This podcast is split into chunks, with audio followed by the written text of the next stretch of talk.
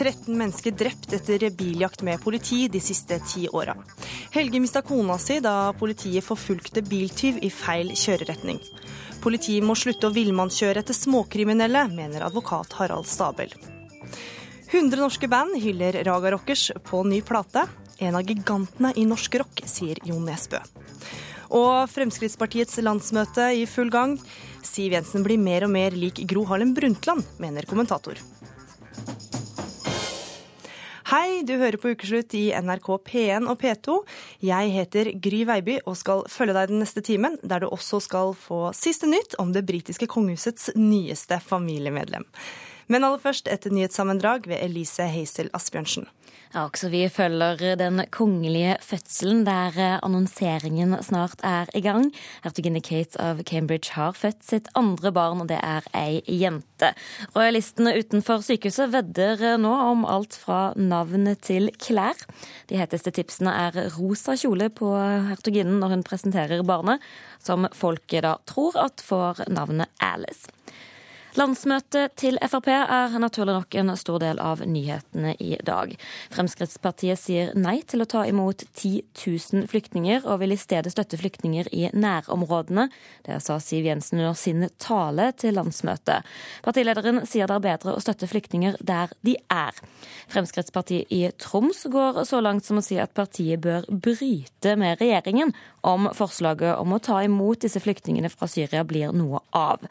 I sin tale til landsmøtet sa Jensen også at staten må finansiere eldreomsorgen, slik at den gamles behov styrer og ikke kommunens økonomi. Hun lovet i tillegg mer penger til kommunene i revidert statsbudsjett, og at det skal bli billigere og enklere å bygge nye boliger. Utdypende kommentarer blir det her i ukeslutt straks. Regjeringen i Nepal mener det ikke lenger er håp om å finne flere overlevende under ruinene av husene som raste sammen i jordskjelvet for akkurat én uke siden. 6621 mennesker er bekreftet døde, og flere tusen er fortsatt savnet. Her hjemme undersøker politiet om det kan være en sammenheng mellom voldtekten av en russ på Tryvann natt til 1. mai og en voldtekt i Halden forrige helg. På Tryvann ble en kvinne voldtatt av to ukjente gjerningsmenn på et toalett. Ifølge politiet så skjedde det samme på Fredriksten festning for en uke siden. Fremgangsmåten ligner, og derfor skal politiet sjekke om det kan være samme menn. Da skal eh, vi i ukeslutt til kongefamilien i Storbritannia, som eh, akkurat nå har fått et nytt familiemedlem. Og det er Kate og prins William som har fått en liten jente, som altså blir nummer fire i arverekkefølgen. Og Storbritannia-korrespondent eh, Espen Aas, hvordan ble denne nyheten mottatt i Storbritannia? Ja, vi sto eh, samlet eh, pressen utenfor sykehuset, så begynte representantene fra kongehuset å rope til oss nå må dere sjekke Twitter-kontoen, nå må dere sjekke e-posten deres. Og Der ble det da annonsert at hertuginne Kate hadde født en liten jente klokken åtte 8.34 engelsk tid, altså 9.34 norsk tid, bare noen få timer etter at hun ble ført eh, hit til eh, sykehuset i, eh, i morges.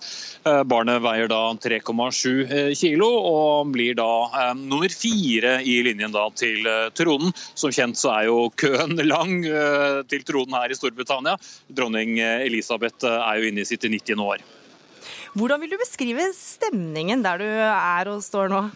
Den har jo tiltatt seg utover dagen. Jeg kom hit uh, tidlig i morges, så var det for så vidt allerede kommet en del uh, TV-team og, og, og, medier fra hele verden. Men utover dagen så har det jo kommet selvfølgelig masse masse vanlige folk, turister, som skjønner at noe er på gang og som har stilt seg opp her. I tillegg til veldig mye politi som strengt passer på at folk holder seg bak sperringene. Men det er klart mange vil jo ha bilder av seg selv, bilder sammen med presse, bilder av døren, bilder av seg selv med politiet osv.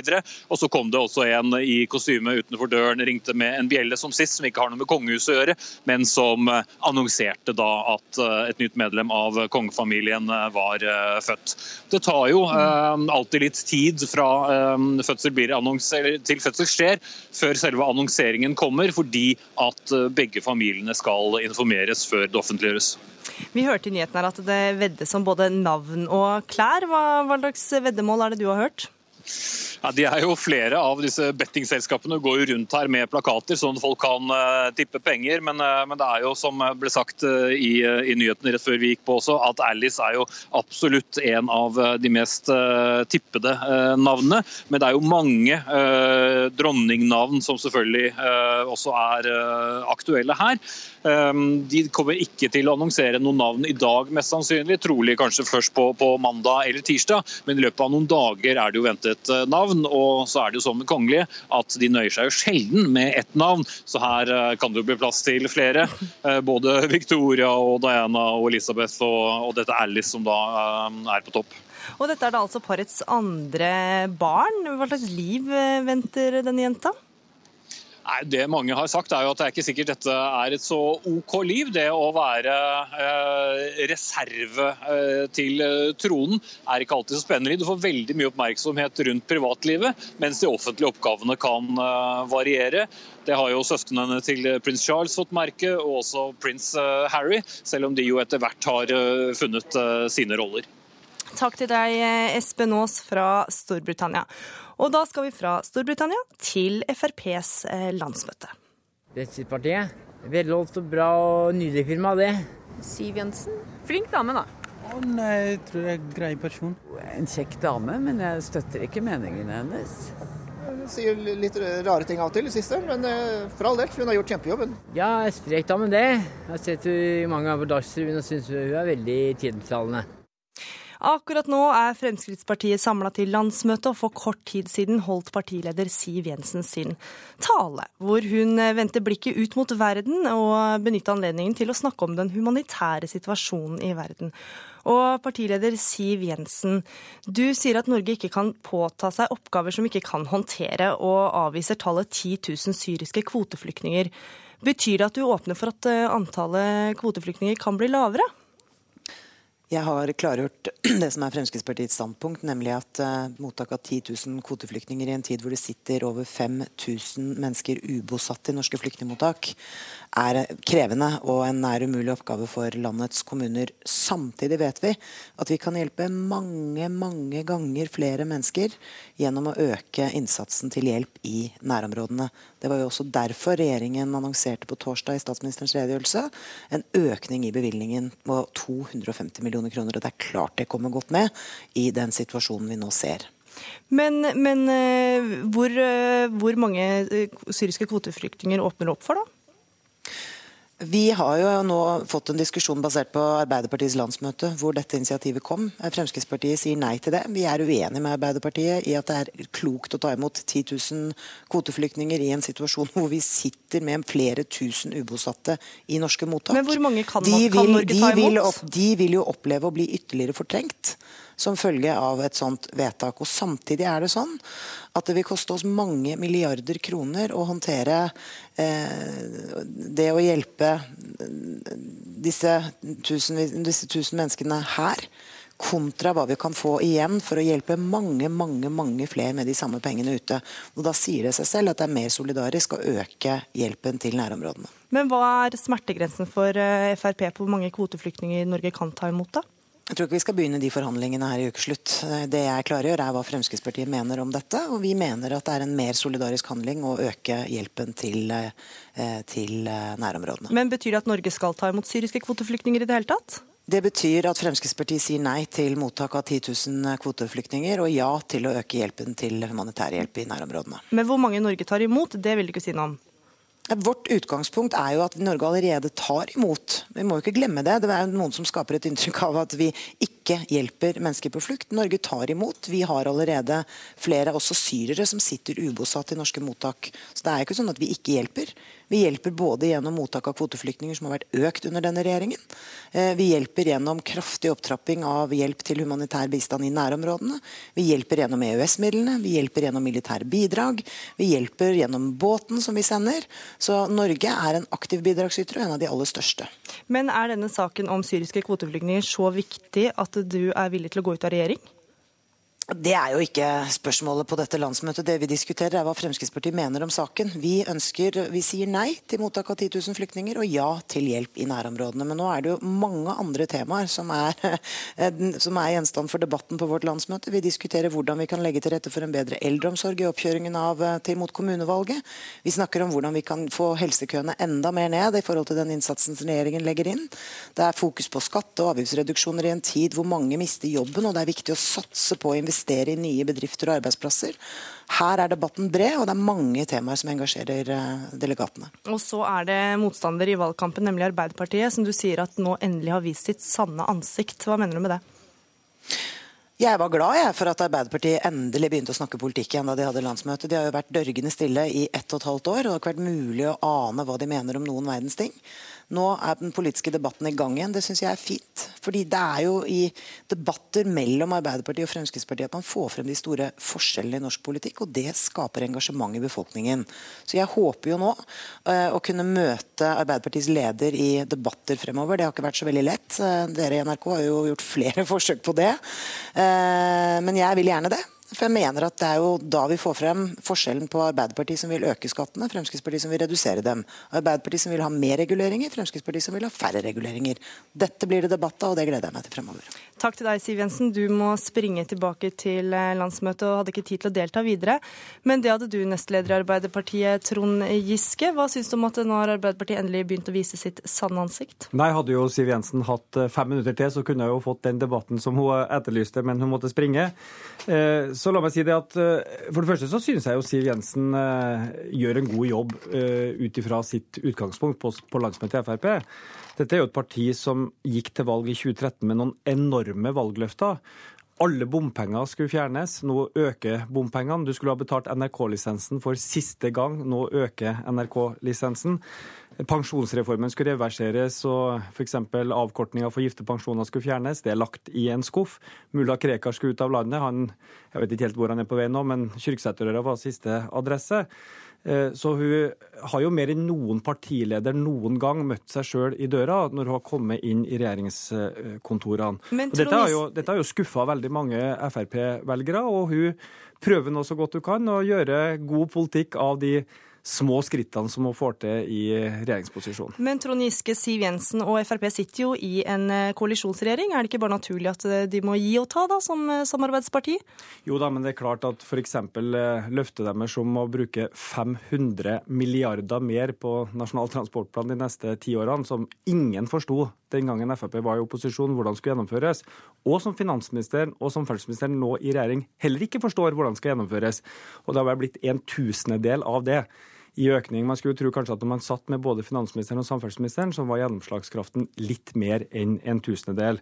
Men det viser jo bare at uh, Frp i regjering har blitt egentlig et ganske vanlig, traust høyreparti. Man prioriterer skattekutt for de rikeste, man prioriterer arbeidsgivere foran arbeidstakere når man lager en arbeidsmiljølov. Og man prioriterer de store kjøpesentrene framfor de små næringsdrivende når man åpner for søndagsåpent. Man velger rett og slett eh, å stå på parti med eliten framfor å stå på parti med vanlige folk. Trond Giske, i din første mai-tale så mener du at Siv Jensen og Per Sandberg løy til velgerne i stortingsvalgkampen i 2013, blant, basert bl.a. på alt det du sa nå. Men er ikke det, dette bare politisk skittkasting, det du kommer med nå? Jeg mener at eh, Frp med sine løfter i valgkampen gikk langt utover anstendighetens grenser. Eh, vi sa jo den gangen at dette er helt umulig å gjennomføre, men Siv Jensen sa jo så sent som våren 2013 at det var f.eks. mulig å bruke mange titalls mer i oljemilliarder. Det var mulig å gjennomføre transportplan, det var mulig å stoppe pensjonsreformen, det var mulig å fjerne alle bompenger. Nå skriver hun jo i brev til Stortinget at dette er ikke mulig. Eh, så enten så visste hun ikke bedre våren 2013, men så dum er ikke Siv Jensen. Eh, altså sa hun noe hun visste var umulig å gjennomføre, og det er det veldig sjelden at politikere gjør. Men Arbeiderpartiet har vel også kommet med tomme valgløfter av og til, eh, som ikke har vist seg å gjennomføre? Aldri at vi har lovt noe som vi ikke har trodd helhjerta på at vi skulle gjennomføre. Og vi har stort sett gjennomført det meste av det vi har lovt. Det har aldri vært altså Sjøl ikke Høyre, sjøl ikke SV, jeg har en sånn avstand mellom løfter. Altså tenk, Solvik-Olsen alle bompenger skulle fjernes. Og det er jo ikke det at bompengene ikke fjernes fort nok, det er jo at bompengene øker. Han blir den samferdselsministeren i 2014 og 2015 og 2016 som har tatt inn mest bompenger noensinne. Men det mest alvorlige syns jeg er det her at de hele tida tar parti med de rike, tar skattekuttene, som Siv Jensen sier veldig lite om, 12,5 milliard. En tredjedel av de pengene har gått til den rikeste hundredelen i Norge. Mange hundre tusen i året til dem som har millioner. 50 øre per dag i skattekutt til vanlige folk. Det var vel ikke det folk trodde da Frp gikk til valg på slagordet for folk flest. Jeg er sikker på at mange i Frp og Høyre og de andre partiene er dørgende uenig eh, med deg. Dessverre hadde ikke Siv Jensen altså anledning til å delta i debatt. Men debattansvarlig og kommentator i Dagbladet, Martine Aurdal, hva slags partileder er det vi ser nå? Dette er jo den kanskje mest krevende landsmøtetalen Siv Jensen eh, har holdt. Hun eh, løste det på en svært god måte, syns jeg. Det var første talen hun holdt i posisjon. Det er en helt annen situasjon enn å stå som Eh, partileder for et opposisjonsparti. Eh, og dermed ble den også veldig annerledes enn de forrige. Men hun, eh, hun brukte store deler av talen på å begrunne hvorfor Frp bør fortsette å være i regjering og alt de har fått til. Men klarte å gjøre det samtidig som hun rammet det hele inn med et sterkere fokus på kommunevalgkampen enn de fleste andre partilederne har hatt. Rektor ved Oslo markedshøgskole, Trond Blindheim. Du mener Siv Jensen minner mer og mer om Gro Harlem Brundtland, du. På hvilken måte da? Ja, jeg syns i retorikken og i stil, altså den litt sånn autoritære og intense og litt sånn ansvarlige måten å opptre på. Hun har jo vært veldig kritisert tidligere for å være en uansvarlig politiker som vil bruke masse penger. Og eh, hun prøver vel å statuere et slags eksempel, iallfall i retorikken, at hun ikke skal gjøre det. Og jeg syns at den fremtoningen hun har, blir liksom like og liker i Gro Harlem Brundtland. Nå har han også sagt det, at det har vært hennes politiske forbilde mange ganger i intervjuer, så, så kanskje det er Gro hun prøver å ligne på. Martine Aurdal, eh, Erna Solberg har sagt at hun håper landsmøtet til de andre samarbeidspartiene vil handle om egen politikk og det de fire partiene får til i fellesskap. Hvordan eh, går det for et parti som har kalt eh, KrF for et lite tulleparti som avler IS-terrorister?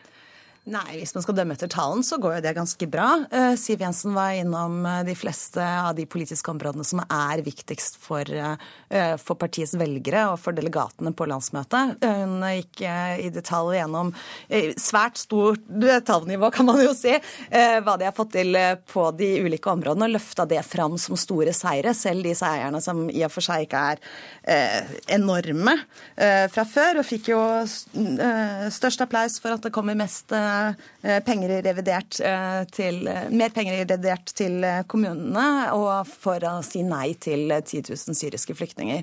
Så, så hørte vi jo nå nettopp at hun ønsker ikke å gå inn, inn i videre diskusjon om forhandlingene som kommer til å komme, og de kommer til å bli tøffe med samarbeidspartiene. Det vet også de som satt og hørte på landsmøtetalen, og derfor var også applausen mer behersket enn man ellers skulle kunne forvente. Men hvor stor er avstanden mellom det hun sier med de syriske kvoteflyktningene, og det hun skal nå komme tilbake til forhandlingsbordet med? Når det er så stor motstand eh, innad i Frp? I Frp så er det veldig mange som har store forventninger til at det ikke skal komme en eneste ekstra kvoteflyktning. Eh, det er klart Med et så stort eh, flertall i Stortinget for eh, det som nå ser ut til å være et flertall for 10 000 kvoteflyktninger fra Syria, så er det en umulig oppgave. Så det kommer til å komme et eller annet kompromiss, og kompromisset kommer til å være at det er mindre enn 10 000 fra Siv Jensen skal kunne ha ordene sine i behold. Trond Blindheim, hvordan vil du beskrive dette spennet mellom Frp regjering og grasrota i partiet? Altså, Partiet står jo litt i spagaten. På den ene siden så skal det være et ansvarlig posisjonsparti. Og der er det jo regjeringsmedlemmene som skal forvalte det. Også på den andre siden så skal det være litt sånn uansvarlig opposisjonsparti. Det har jeg jo kjent Frp for å være i veldig mange år. Og der er det Tybring-Gjedde og så er det da Per Sandberg som eh, rasler hele tiden med sable. Slik at eh, de blir på en måte litt sånn teateraktig at eh, det er liksom Tybring-Gjedde og Per Sandberg som skal holde regjeringsmedlemmene litt i øret og passe på at ikke de blir for ansvarlige. Så, så får vi se om de lykkes med det. Men jeg tror det er et landsmøtetall nå vi vil se hvordan startet hun? Hun startet med å snakke om det alle har vært opptatt av, denne tragedien som utspiller seg i Middelhavet. Og Deretter så kom hun inn på dette med at 10 eh, 000 flyktninger til Norge eh, Vi får ikke hjulpet så mange med det. Vi får hjulpet veldig mange flere hvis vi hjelper dem i nærområdene. Og så kom hun inn på dette med radikale islamister. slik at, at hele landsmøtetalen var jo på en måte bygget opp sånn at kan jeg cashe inn på dette nå, siden uh, Eh, Jonas Gahr Støre gått ut og snakket om 10 000 flyktninger til Norge. Og jeg tror nesten hun kan gjøre det. For hvis vi ser på i alle fall Hale som kommer bak disse kommentarartiklene i avisene, så er de veldig entydige, syns jeg, da, på, på, på Fremskrittspartiet sitt, uh, sitt parti. Men det er, en, det er, jo en detalj, men det er jo interessant å se hvordan hun ordlegger seg også på de eh, områdene som er eh, Frp har vært så tydelig, på tidligere. altså Når hun snakker om eh, terrorister eh, i dag, så sa hun at det er forvirrede mennesker som ikke har funnet sin gud, men forlatt sin gud til fordel for hat. Som er noe som jeg og jeg tror de eh, politikere fra de fleste partier eh, ville kunne si var godt sagt, men som er nye takter fra den samme partilederen som har snakket om eh, snikislamiseringen av Norge. Som er en mer ansvarlig retorikk enn det hun har hatt eh, tidligere. Men samtidig så er Siv Jensen avbilda i VG i dag, en campingvogn med en lompe i hånda. Det er jo tydelig at hun også vil eh, bevare dette folkelige imaget, da. Det er jo helt avgjørende for at Frp skal kunne bygge seg opp igjen. De er et uh, uh, Altså, det er en ganske jeg vet ikke om vi skal si krisestemning på landsmøtet, men det er et dypt alvor over den situasjonen som partiet er i, hvor de har stupt på meningsmålingene, og hvor de sliter tungt med å skulle komme seg opp igjen. Og det viktigste, altså en av de viktigste tingene hun må gjøre med det, er jo nettopp å bevare den brede folkelige appellen som, eh, som Frp har og har hatt. Ja, så Hun har jo også sunget eh, si, duett med Ole Ivers. Eh, hun har latt seg avbilde i VG tidligere med fire flasker Matteus oppi handlekurven i, på Systembolaget i Sverige. Eh, partiet har en egen sånn stor campingbil som de drar rundt på campingplasser med i valgkampen. Slik at det, det, er liksom det der folkelige imaget de har lagt opp til, og, de vet nok også det at de er mobbet for det, men de spiller helt bevisst på det. Og eh, kanskje det at det, det, er riktig også, for jeg tror nok det at velgerne, typisk Frp-velger, kjenner seg selv igjen i liksom den fremtoningen. Takk for at dere var med i Ukeslutt, Trond Blindheim og Martine Aurdal. Da skal vi til Vestfold natt til 12. april i år. Visste jo han kom der, for det sto alle politibilene sto jo på rekke og rad. Men alle sto på rekke og rad, og ingen sto nordover, ingen sørover og sa ifra. Det kunne jo skjedd ei veldig alvorlig møteulykke der. Roar 20 fikk seg et eh, ordentlig støkk da en raner i stjålet bil braste inn i bilen hans og tre andre biler. Politiet hadde jaga eh, raneren gjennom tre fylker fra Oslo, med stor risiko for andre på veien. Heldigvis var det ingen av de ni som ble truffet i storkollisjonen som fikk alvorlige skader. Så bra går det ikke alltid når eh, politiet legger seg på hjul. Det har kosta 13 mennesker de siste ti årene livet, og enda flere har blitt alvorlig skada. Og noen har mista det aller kjæreste de har, i møte med desperadoer med politi i hælene. Der uh, sitter Marianne i uh, sånn venterom på Ullevål sykehus etter at uh, hun har født Kristine. Og så når jeg kommer for å hente de, så tar jeg et bilde idet jeg ser hun sitte der. Helge Heldres kone Marianne har kort, blondt hår og smiler ned mot sin nyfødte datter Kristine, som ligger ved brystet. Det er sju uker til den unge mora skal dø, og barnet skal bli hardt skadd. Jeg kjører, og så sitter kona mi i passasjersetet. Og så ligger Kristine bak, eh, bak meg, da. Helge er 29 år og kjører sin lille familie på Ring 3 i Oslo. En vei med to felt i hver retning og høy midtdeler. Familien er på vei hjem fra sitt første vennebesøk. Det er november 1999 og mørkt utafor den røde Honda Civicen. I en sving ser den nybakte pappaen et par møtende frontlys som han synes ligger for langt til høyre. Når han treffer oss, så, så skjønner jeg jo ingenting først. Og så, så blir alt stille. Og så husker jeg at eh, Marianne da sitter og har veldig vondt ved siden av meg. Og det er jo ingenting jeg kan gjøre, for jeg er helt fastglemt, jeg også. Og jeg greier eh, ikke å strekke meg bak, og jeg hører Kristine ligger og hyler bak. TV-bildene viser den røde Hondaen omringa av brannmenn som jobber på spreng for å skjære familien på tre løs fra det forvridde karosseriet. Ei tom båre ligger klar ved autovernet. Kameralinsa vendes så mot en sølvgrå varebil med sammentrykt front. Stjålet av en 22 år gammel kjenning av politiet, som kjører selv om han ikke har førerkort. Denne gangen har politibilen forfulgt han i høy fart mot kjøreretningen i flere kilometer, før de etter flere ordre om å stoppe avslutter jakten. Like etter treffer varebilen Marianne, Helge og Kristine. Minuttene går før forbipasserende får tilkalt hjelp, og brannmannskapet er attpåtil forsinka. Det er jo noe jeg har husket i ettertid, som har kommet litt gradvis. Jeg tror kanskje det er litt sånn at det også er såpass kjipt at eh, det er vanskelig å huske alt, sånn helt frivillig i hvert fall. Helge har ikke orka å snakke offentlig om ulykken før nå.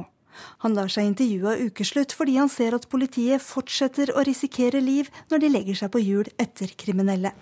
Sett på lys. Ja, sett på, sett på sirener. I TV-serien Nattpatruljen ser vi hvordan en politibil forfølger en mistenkt rusa sjåfør i høy fart gjennom smale sørlandsgater. Helt til bilen foran nesten meier ned en fotgjenger. For tre uker siden jaga flere politidistrikt en og samme raner gjennom Oslo, Akershus, Buskerud og inn i Vestfold. Det endte med storkollisjon mot fire biler. Flere mente det var et under at det ikke gikk menneskeliv, men politiet syns ikke de gjorde noe galt. Det var, jo riktig av politiet å få kontroll på eh, denne bilen og stanse denne farefulle kjøringa. Før jul døde en 38-årig bilraner i Stavanger. Han hadde flere patruljebiler i hælene da han kjørte bilen utfor ei brygge og rett i sjøen. Siden Spesialenheten ble oppretta i 2005, har den registrert 33 biljakter med alvorlig personskade. I 13 av dem så alvorlig at liv gikk tapt høy fart over lang tid, det, det, vet vi at det skaper ulykker både med og uten politi bak oss. Så da tenker jeg at politiet må korte ned den stunden man er i høy hastighet, og særlig gjennom da tettbebygde strøk. Helge Heldre mener tallene tyder på at noe er galt med politiets biljakter. Jeg tror at en, eh, en etterfølgelse av politiet er en provokasjon mot noen som er eh, mentalt ustabile. Hvis du ikke har stoppet etter eh, en kilometer eller to, så er det liten sannsynlighet for at du kommer til å stoppe etter de neste to. Så, så, jeg tror man må se på alternative løsninger i en sånn sak. Helges kone, 26 år gamle Marianne, dør av skadene kort tid etter at de er skåret løs fra bilen. Spedbarnet deres, Kristine, har brudd i hodeskallen og ligger månedsvis neddopa på sykehus. Frykten for det, som far, at hun aldri kom til å komme seg helt, var veldig stor. Og tapet etter Marianne var eh, enormt for alle oss eh, rundt henne. Eh, og det er jo det som på en måte i ettertid har vært verst. Det er jo nettopp tapet av en ektefelle og tapet av en datter og en svigerdatter. Hun var en viktig del av livet til oss alle. Og det å få på plass et nytt liv for oss rundt med en som manglet, det har vært det tyngste. Lille Kristine klarer seg, men skaden gjør at hun fortsatt trenger ekstra hjelp på skolen. Biltyven som kolliderte med dem, får fem års fengsel for bildrap. Politibetjentene som jaga biltyven mot kjøreretningen, blir bøtelagt, men seinere frikjent i retten. Og de etterlatte får aldri den beklagelsen fra politiet som de gjerne skulle hatt. Etter rettssaken så snakket vi bl.a. med lederne til disse to politiet, altså politisjefen i Follo og han sa her er det ikke noe å beklage. Men, eh, men jeg tenker jo at uh, vi er personer på begge sider av en sånn uh, forferdelig sak. Og da hadde jeg forventet at uh, privatpersonene i politiet hadde turt å, å si noen beklagelser. 15,5 år er gått når vi ringer Follos politimester for en kommentar. Dette er en veldig sterk og tragisk historie, og jeg har eh, veldig stor forståelse for at eh, dette er eh, vondt og vanskelig for eh, enkemannen og for de rundt eh, avdøde. Arne Jørgen Olafsen var ikke sjef da ulykken skjedde, men han kjenner saken godt. De ble jo i utgangspunktet bøtelagt for grov uforstand og for ordrenekt. Eh, og De ble jo, som du sier, frifunnet i domstolen, men ble, de ble jo kritisert for Altså for at det var kritikkverdig, noe av det som ble gjort, men det var ikke grovt uaktsomt. Det eneste de etterlatte har ønska seg, er en unnskyldning eller beklagelse fra Follo-politiet. Og det har de aldri fått. Vil du gi dem det nå? Jeg har ingen problemer med på vegne av eh, norsk politi å beklage det tragiske utfallet denne saken fikk for de etterlatte. Så det gjør jeg så gjerne. Og reporter i denne saken var Kari Li. På ti år har altså 13 personer mista livet i forbindelse med politijakter, og mange flere har blitt alvorlig skada. Og advokat eh, Harald Stabel, hvilke tanker gjør du deg når du hører disse tallene? Nei, jeg syns det er eh, tall som absolutt viser at her er det behov for å ha retningslinjer og ha uh, rutiner som tilsier at i enkelte tilfeller så må politiet vurdere om det er forholdsmessig og om det er forsvarlig å følge en person med blålys som eh, man ser øker farten, og farten kan komme opp i veldig høy eh, hastighet. Det viser jo praksis. Og da må man eh, ha regler, instrukser, eh, retningslinjer som eh, tar høyde for at man må få beskjed om eller vurdere underveis og si stopp. Selv om man ikke da har klart å innhente vedkommende fordi risikoen og faren for alvorlig bilulykke, eventuelt i verste fall med, med dødsfølge, kan bli resultatet. Sjef for utrykningspolitiet Runar eh, Karlsen, hva er det som går galt? Det er ganske vanskelig. Altså, det skal jo altså, utgangspunktet er at man har en plikt til å stanse dersom politiet ber om det, uansett eh, si, årsak til at man, politiet ønsker å kontrollere et kjøretøy. Og Det er forbundet med streng straff og ikke stanse. Og det er sagt av Høyesterett at det skal Eh, foreligge en ubetinget fengselsstraff dersom eh, eh, dette ender i en bilforfølgelse, en biljakt, at man stikker fra politiet. Og så er det en avveining mellom behovet politiet har for å løse sine tjenesteoppdrag, og hensynet til trafikksikkerheten. Men på ti år har altså 13 personer mista livet i forbindelse med politijakter. Hva tenker du om det? Det er selvfølgelig beklagelig at noen skades hardt eller omkommer i forbindelse med at politiet utfører sine tjenesteoppdrag.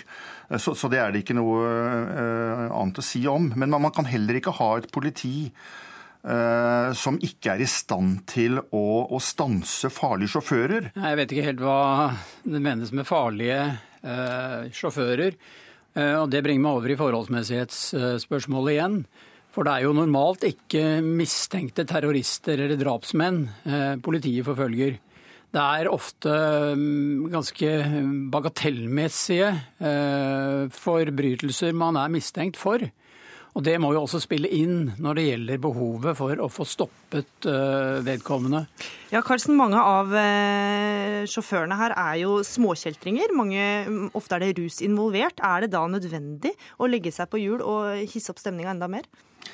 Nei, altså det er ikke sikkert det er nødvendig. Altså Retningslinjer for politiet er at uh, man kan forfølge et kjøretøy dersom det er ubetinget nødvendig. Og Der har Stabel rett i at det kommer an på kan si, alvorlighetsgraden. Hvor viktig er det for politiet å forfølge? og Det, det er viktig i den forstand at man skal sikre bevis for hvem er det som kjører, og sikre bevis for lovbruddet. Eh, og Har man gjort det, og forholdets art ikke er alvorlig, så, så kan man nøye seg med det. Da kan man si at eh, da stopper vi. Vi etterforsker saken videre uh, på annen måte enn å, stanse denne føreren. Hvor ofte skjer det at politiet innstiller jakten ut fra en vurdering av at her er risikoen for en dødsfølge, eller i hvert fall alvorlig skade, så stor, eventuelt både for fører og for omgivelser, at man ikke tar den risikoen. Har det skjedd noen gang i det hele tatt at man har stanset? Det skjer ofte, kan jeg fortelle deg. Hvis f.eks. politiet ja, Hva skal til da for at politiet avbryter en biljakt? Nei, Hvis forholdet ikke er av alvorlig karakter. Eksempelvis eh, så forfølger man en, eh, en moped, kanskje med som mangler baklys, og man ser det er en ung fører. Hvis man ganske raskt ser at denne føreren blir redd, han er villig til å ta høy risiko og vil ikke stanse på politiet, så gir man seg.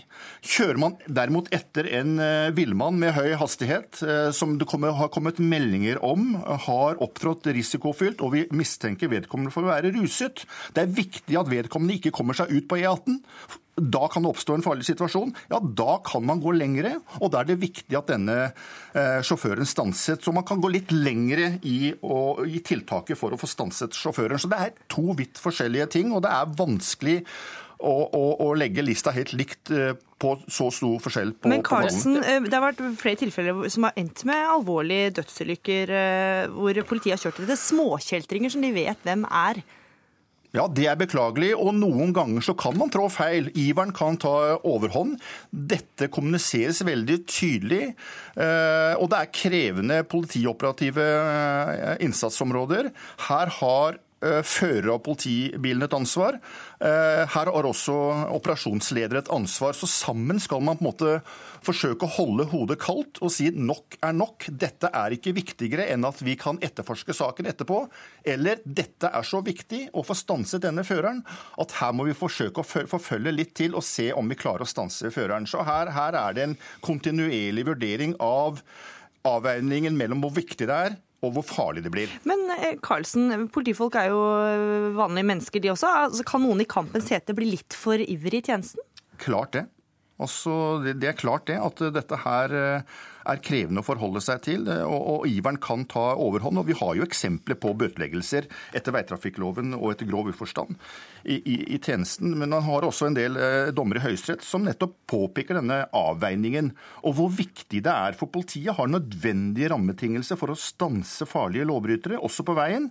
Eh, Men det må ikke for enhver pris, fordi at eh, man skal selvfølgelig ikke forårsake eh, dødsulykker eller alvorlige ulykker som følge av politiinnsatsen. Stabel, er du beroliga? Nei, jeg blir ikke beroliget før man får slutt på disse alvorlige utfallene av eh, biljakten fra politiets side. Eh, og nå får vi håpe da, at eh, det går bedre, og at denne type handlinger nå blir diskutert. Og mm, kritisk vurdert, håper jeg, fra politiets side, og at vi da eh, unngår, eh, i hvert fall i, i, i den grad det er mulig, å redusere antall eh, dødsfall og alvorlige ulykker. Takk for at dere var med i Ukeslutt, Runar Karlsen og Harald Stabel. Du hører på Ukeslutt i NRK P1 og P2, og det må du fortsette med. Aune Sand ønsker russen lykke til med musejakta, men vil ikke sluppet sin egen datter ut i russefesten. Ja, det blir i tilfelle med meg som vakt. Nå skal Jo Nesbø synge Raga Rockers. Hør hvorfor litt seinere. Og bare flaks at jeg lever, sier Jens Gangdal, som var i nærheten av Mount Everest da skjelvet kom. I Nepal har myndighetene nå gitt opp håpet om å finne flere overlevende. Over 6600 mennesker er bekreftet omkommet så langt i jordskjelvet som rammet landet for en uke siden. Jens Gangdal, du har jobba frivillig i Nepal siden februar og var på fjelltur da jordskjelvet starta. Fortell om det som skjedde. Jo, Vi hadde nettopp vært oppe og besteget Lobuche East Peak. Det er fjell på 6100 meter. Og var på vei ned derfra. Da var vi i en steinrøys. Og så plutselig så begynner bare Jeg så på en veldig stor stein. Og plutselig begynner hele den steinen å skjelve. Så min første tanke er at jøss, kommer det masse jakkokser eller noe sånt. Det var omtrent som å stå på surfebrett. Og så hører jeg et drønn bak meg og ser rundt meg. Og da faller kampesteiner på størrelse med biler nedover hodene våre. Så jeg kaster ryggsekken og løper alt jeg kan i sikkerhet. For så ja, 100 meter borte så så jeg, ser rundt meg, og da ser jeg at der hvor jeg hadde stått for 10 sekunder siden, nå var det nå ja, knust. Så det var en ganske nær døden-opplevelse, hvis man kan si det. Det er rart å tenke på, altså Hadde jeg stoppet for, å tisse for eksempel, eller spist en sjokolade oppi sauerøtta der, så hadde jeg vært et minutt lenger bak enn jeg var. Og da hadde jeg vært flat. Så det er små tilfeldigheter som gjør at jeg var såpass langt nede i sauerøtta som jeg egentlig var. Og så gikk dere ned til basecamp. Hva, hva slags syn var det som møtte dere der? Eh, Nei, altså det var først og fremst vanvittig mye ødelagte telt og utstyr. Det lå camping, ødelagte campingstoler og bøker og sjokolade og alt. Det har blåst flere hundre meter opp i fjellsiden på andre siden. Så det, var, det første vi så, var jo altså, typen materialistiske skader. Men så er det selvfølgelig mange andre inntrykk også, som likposer, skadede mennesker, kroppsdeler i feil posisjoner osv. Og når har du bestemte deg for å bli til juni. Hvorfor det? Jeg har bodd i dette landet her i nå tre måneder og har fått veldig mange venner, slått ut røtter her. Så jeg jeg syns rett og slett det er feigt fordi de har en krise og stikker hjem med halen mellom beina. Så syns jeg det er bedre å være her sammen med vennene mine og heller bidra med det jeg kan. Da ønsker vi deg lykke til videre, Jens Gangdal. Tusen takk for at du var med i Ukeslutt.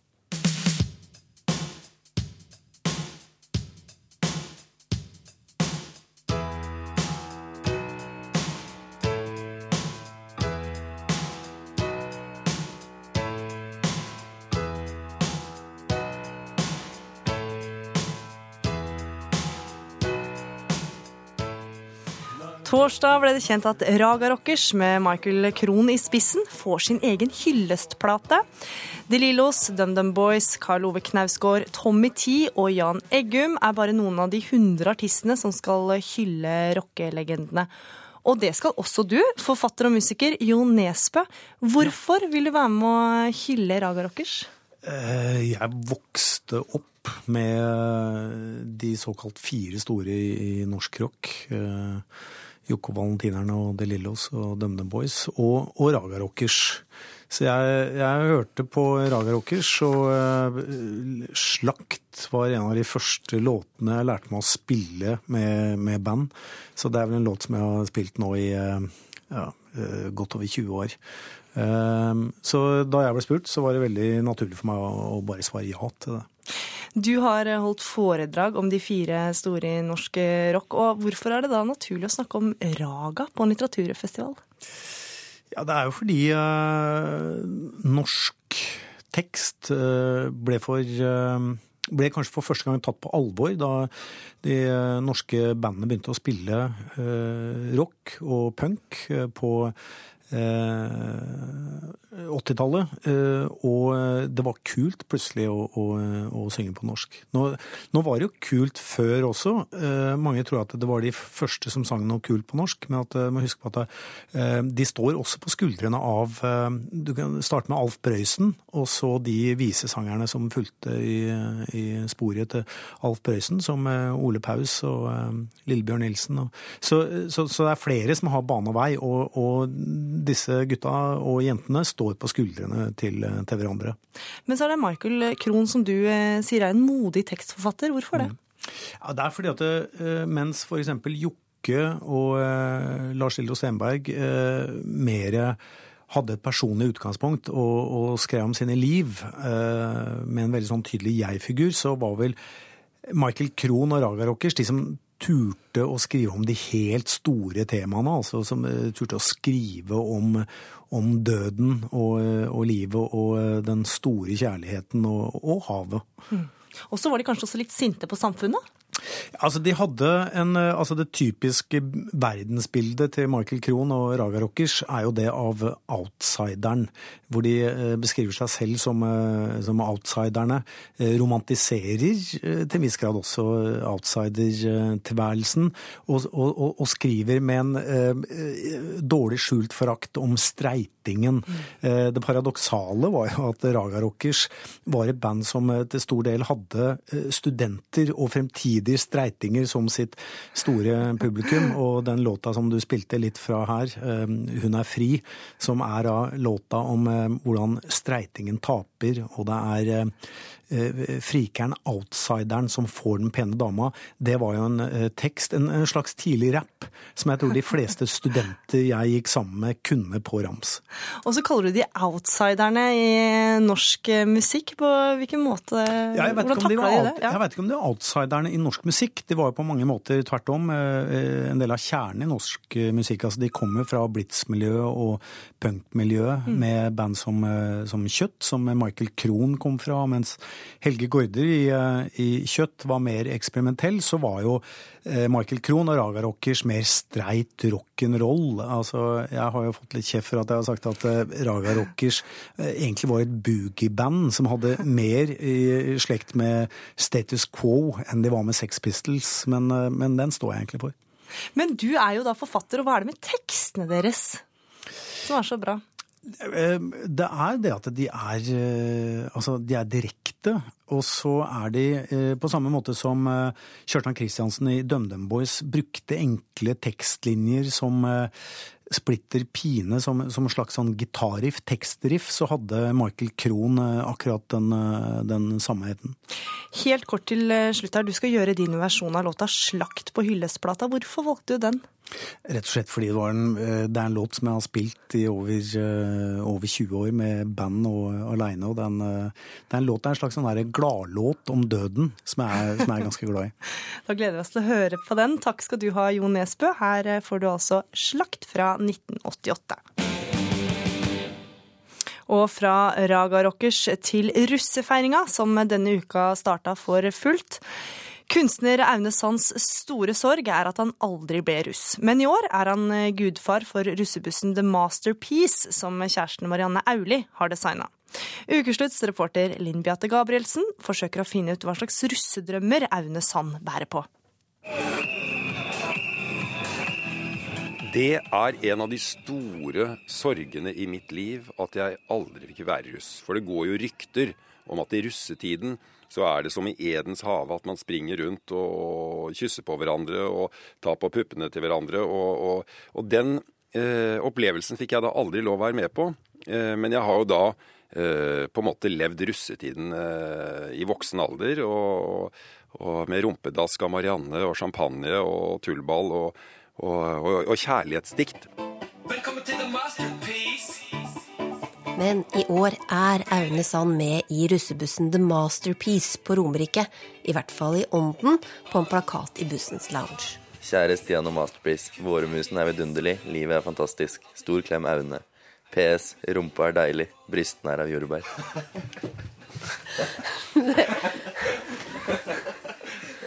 Stian Fossberg Auli og de andre på russebussen fikk hilsenen da Aune Sand døpte bussen i champagne. Han har jo ikke vært russ sjæl, så har han et uh, realistisk syn på russetida?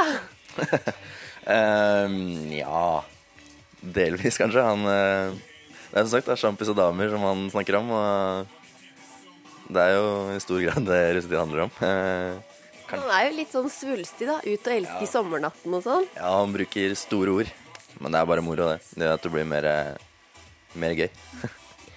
Stian fikk eh, tanta Marianne Auli til å designe russebussen, som nå ruller rundt med fargerike klovnefigurer langs sidene. Ja, vi får jo mye tilbakemeldinger om at vi har kul buss. da. Det er veldig original buss. Og det er jo ingen som har noe lignende. Og liksom det å spille på kunst når man er russ, det er liksom Det er ikke så mange som har hørt det. da. Eh, så det er veldig moro. Og mange positive tilbakemeldinger. Russekorta. Hva skulle du ha skrevet på det? Eh, på mitt russekort eh, så ville det vel stått noe sånn som jordbærbryster og, og plaskvåt mus og et, et, eller annet i den turen der. Jeg tror det ville havna der. Så tar vi en titt på russekortene til gutta på bussen. Oi. Wow. Det var såpass, ja. Oi, oi, de er, de er såpass vågale. Jeg trodde de her var veloppdragne gutter. ja. Det nærmeste jeg kommer gruppesex, er å runke med begge hender. Oi. Det var såpass. Oi, nå ble jeg litt uh, sjenert her, ja. Ja, den var litt sånn uh, Det er bedre å tisse på saga enn å sage på tissen. Hmm. Det var en blåruss. Hva syns du om disse visdomsordene? Jo, jo, jo. jo. Det, det, det, det, er rom for forbedring. Jeg er jo veldig glad i det der å også legge ting i, i, uh, i, gåter.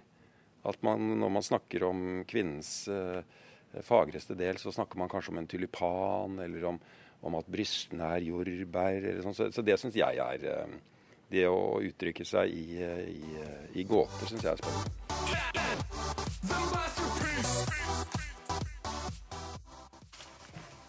Ja, skal dere gi altså Aune som ikke har vært russ sjøl, skal dere gi han en liten smak på russetida, eller får han være med? Ja, Hvis han har lyst til å være med, så skal han være hjertelig velkommen til å få bli med. I, i min holdt jeg på å si 50-årsversjon, det, det, tror jeg jeg ikke hadde hatt øh, holdt jeg på å si, blodtrykk og, og hjerte til. Fordi Å nei, hvordan ville jeg vært som russ? Øh, jeg tror jeg skulle vært holdt utenfor. Nei, det er altså å springe inn i en sånn gjeng med med, med vidunderlige frøkner og sånn, det, det, det Nei. Tenker du å sende dattera di ut i russetida om jeg vet ikke, 15 år eller noe sånt? Eh, ja, det blir i tilfelle med meg som vakt. Eh, jeg er en overbeskyttende pappa, og, og livredd for at det skal tilstøte mine barn noe. Så jeg eh, vet ikke om jeg hadde turt å sende henne ut i en russetid. Det tror jeg ikke. Da hadde i hvert fall jeg vært med og fulgt med. Nei, det er helt klart. Ja, Elbjørg eh, Moxnes, eh, hva slags vær kan vi vente oss denne 1. mai-helgen? Ja, de aller fleste får vel litt både sol og litt nedbør. Når det gjelder temperaturutsiktene, så venter vi da uendra eller litt lavere temperatur i Finnmark, og ellers i landet uendra eller litt stigende temperatur. Og da et værvarsel som gjelder til i morgen midnatt. Fjell i Sør-Norge lørdag skiftende bris, spredte snøbyger i nord eller stort sett oppholdsvær. Søndag økende til østlig frisk bris, sterk kuling utsatte steder i vest i Langfjellet. Enkelte snøbyger i østlige områder, ellers oppholdsvær. Østefjells lørdag skiftende bris, søndag økende til østlig frisk bris utsatte steder. Liten kuling på sørlandskysten, om kvelden opp i sterk kuling vest for Oksøy. Det blir spredte regnbyger. Vestlandet sør for Nordfjord. Nordlig opp i liten kuling på kysten. I natt minkende til østlig bris. Det blir stort sett pent vær. Søndag ettermiddag økning til østlig liten kuling utsatte steder. Om kvelden opp i sterk kuling på kysten sør for Obrestad. Og det blir tilskyende. Nordfjord og Møre og Romsdal nordlig opp i liten kuling på kysten. Enkle regnbyger, snøbyger i høyden. Søndag nordøstlig opp i frisk bris på kysten. Fra ettermiddagen liten kuling, og det blir stort sett pent vær. Trøndelag vest og sørvest frisk bris utsatte steder. Enkelte regnbyger, snøbyger i høyden. Søndag kveld nordøstlig frisk bris og etter hvert oppholdsvær. Nordland Sørøstlig bris fra i kveld, nordøstlig opp i frisk bris i Vesterålen. Etter hvert på søndag også i resten av fylket. Det blir spredte regnbyger på kysten. Troms og Finnmark nordøstlig periodevis frisk bris. Fra søndag formiddag liten kuling i Øst-Finnmark. Og vinden dreier nordlig i Finnmark om kvelden. Og det blir spredte sludd- og snøbyger. Og Nordensjøland på Spitsbergen får bris omkring øst. Litt snø i vest, ellers oppholdsvær. Og det var alt fra Meteorologisk institutt. Ukeslutt er slutt. Ansvarlig for sendinga var Lilly Fritzmann. Teknisk ansvarlig var Marianne Myrhol. Og her i studio var Gry Veiby, som ønsker deg en god dag.